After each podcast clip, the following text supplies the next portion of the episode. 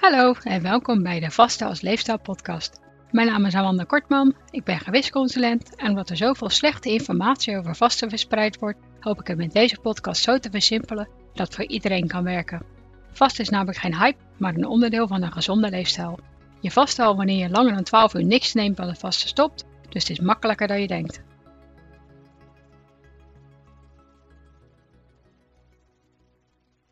Welkom bij aflevering 13.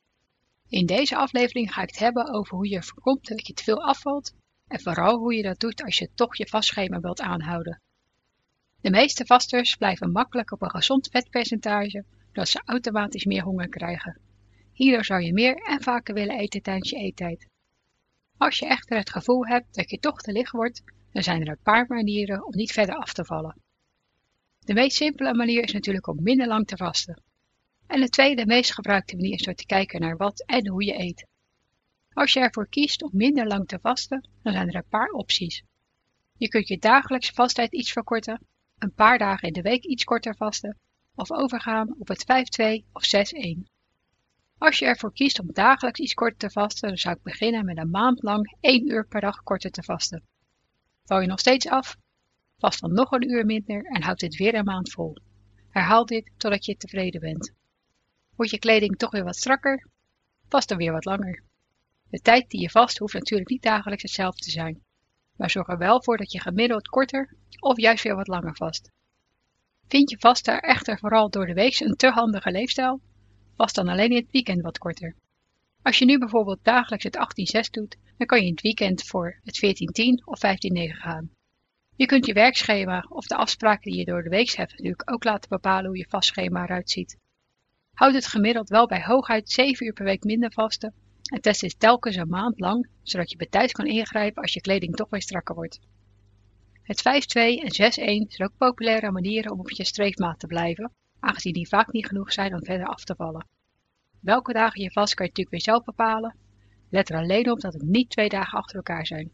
Op de vastdagen zelf kan je er natuurlijk voor kiezen om voor één kleine maaltijd van maximaal 500 calorieën te gaan of om 36 tot 42 uur helemaal te vasten. Luister nog een keer naar aflevering 3 als je niet meer precies weet wat ze inhouden.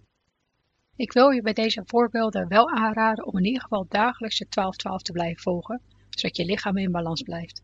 Hoeveel meer uren je moet vasten om te voorkomen dat je vetpercentage weer omhoog gaat, is echter heel persoonlijk. Vast je net als ik vooral voor de gezondheidsvoordelen en wil je toch je huidige vastschema aanhouden?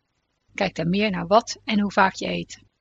Zo eet ik twee maaltijden en een tussendoortje en voeg ik wat extra vet toe aan mijn maaltijden, zodat ze calorierijker worden. Zo is een ruime theelepel grasboter in mijn koffie tijdens mijn eettijd heerlijk. En door een ruime portie olijfolie te bakken voeg ik ook makkelijk wat extra calorieën toe. Heb ik op een dag wat meer honger, dan eet ik gewoon wat meer. Een andere manier om calorierijker te eten is door te gaan voor gezonder calorierijke tussendoortjes die niet al te veel vullen. Denk hierbij bijvoorbeeld aan smoothies. Overdrijf alleen niet met de hoeveelheid fruit die je toevoegt, want dan krijg je snel te veel fruitsuikers binnen. 2 tot 3 stuks fruit per dag is een gezonde hoeveelheid. En je kunt natuurlijk ook wat groente aan je smoothie toevoegen. Noten zijn ook echte caloriebommen, die hartstikke gezond zijn, maar waar je makkelijk te veel van eet. Dit is natuurlijk hartstikke handig als je niet verder wilt afvallen. Let er dan wel op dat je niet te veel zout binnenkrijgt en ga ook voor de ongezouten nootjes en voor zaden en pitten. Zaden en pitten zijn tenslotte ook heerlijke en gezonde smaakmakers die vaak vergeten worden. Zogenaamde vetboms, oftewel vetbommen, zijn ook echte instinkers wat betreft calorieën. Deze tussendoortjes komen uit de ketenwereld en ze zijn vaak de reden dat mensen die ketogeen eten weer aankomen. Die kan je dus perfect gebruiken om juist op gewicht te blijven. Google eens naar vetboomrecepten of vetbommen en je komt er genoeg tegen. Overdrijf hier natuurlijk ook niet mee en blijf zo gezond mogelijk eten. Kom ook niet in de verleiding om extra veel te gaan snoepen.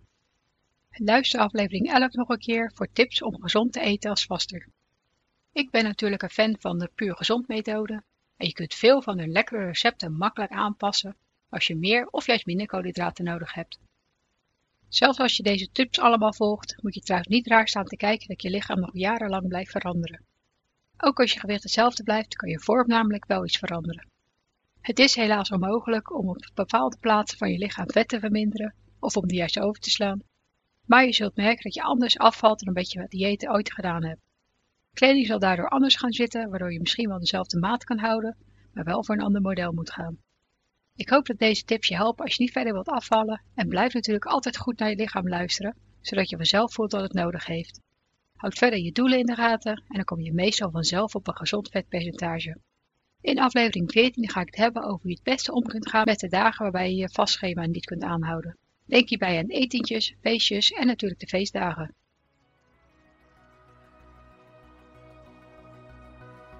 Bedankt voor het luisteren en vergeet niet dat je de onderwerpen en bronnen altijd in de omschrijving van de aflevering kunt vinden.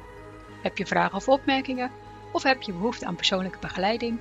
Kijk dan op valerie.nl voor meer informatie. Weet je niet zeker of sommige tips of adviezen ook voor jou geschikt zijn? Bespreek ze dan natuurlijk altijd met je arts.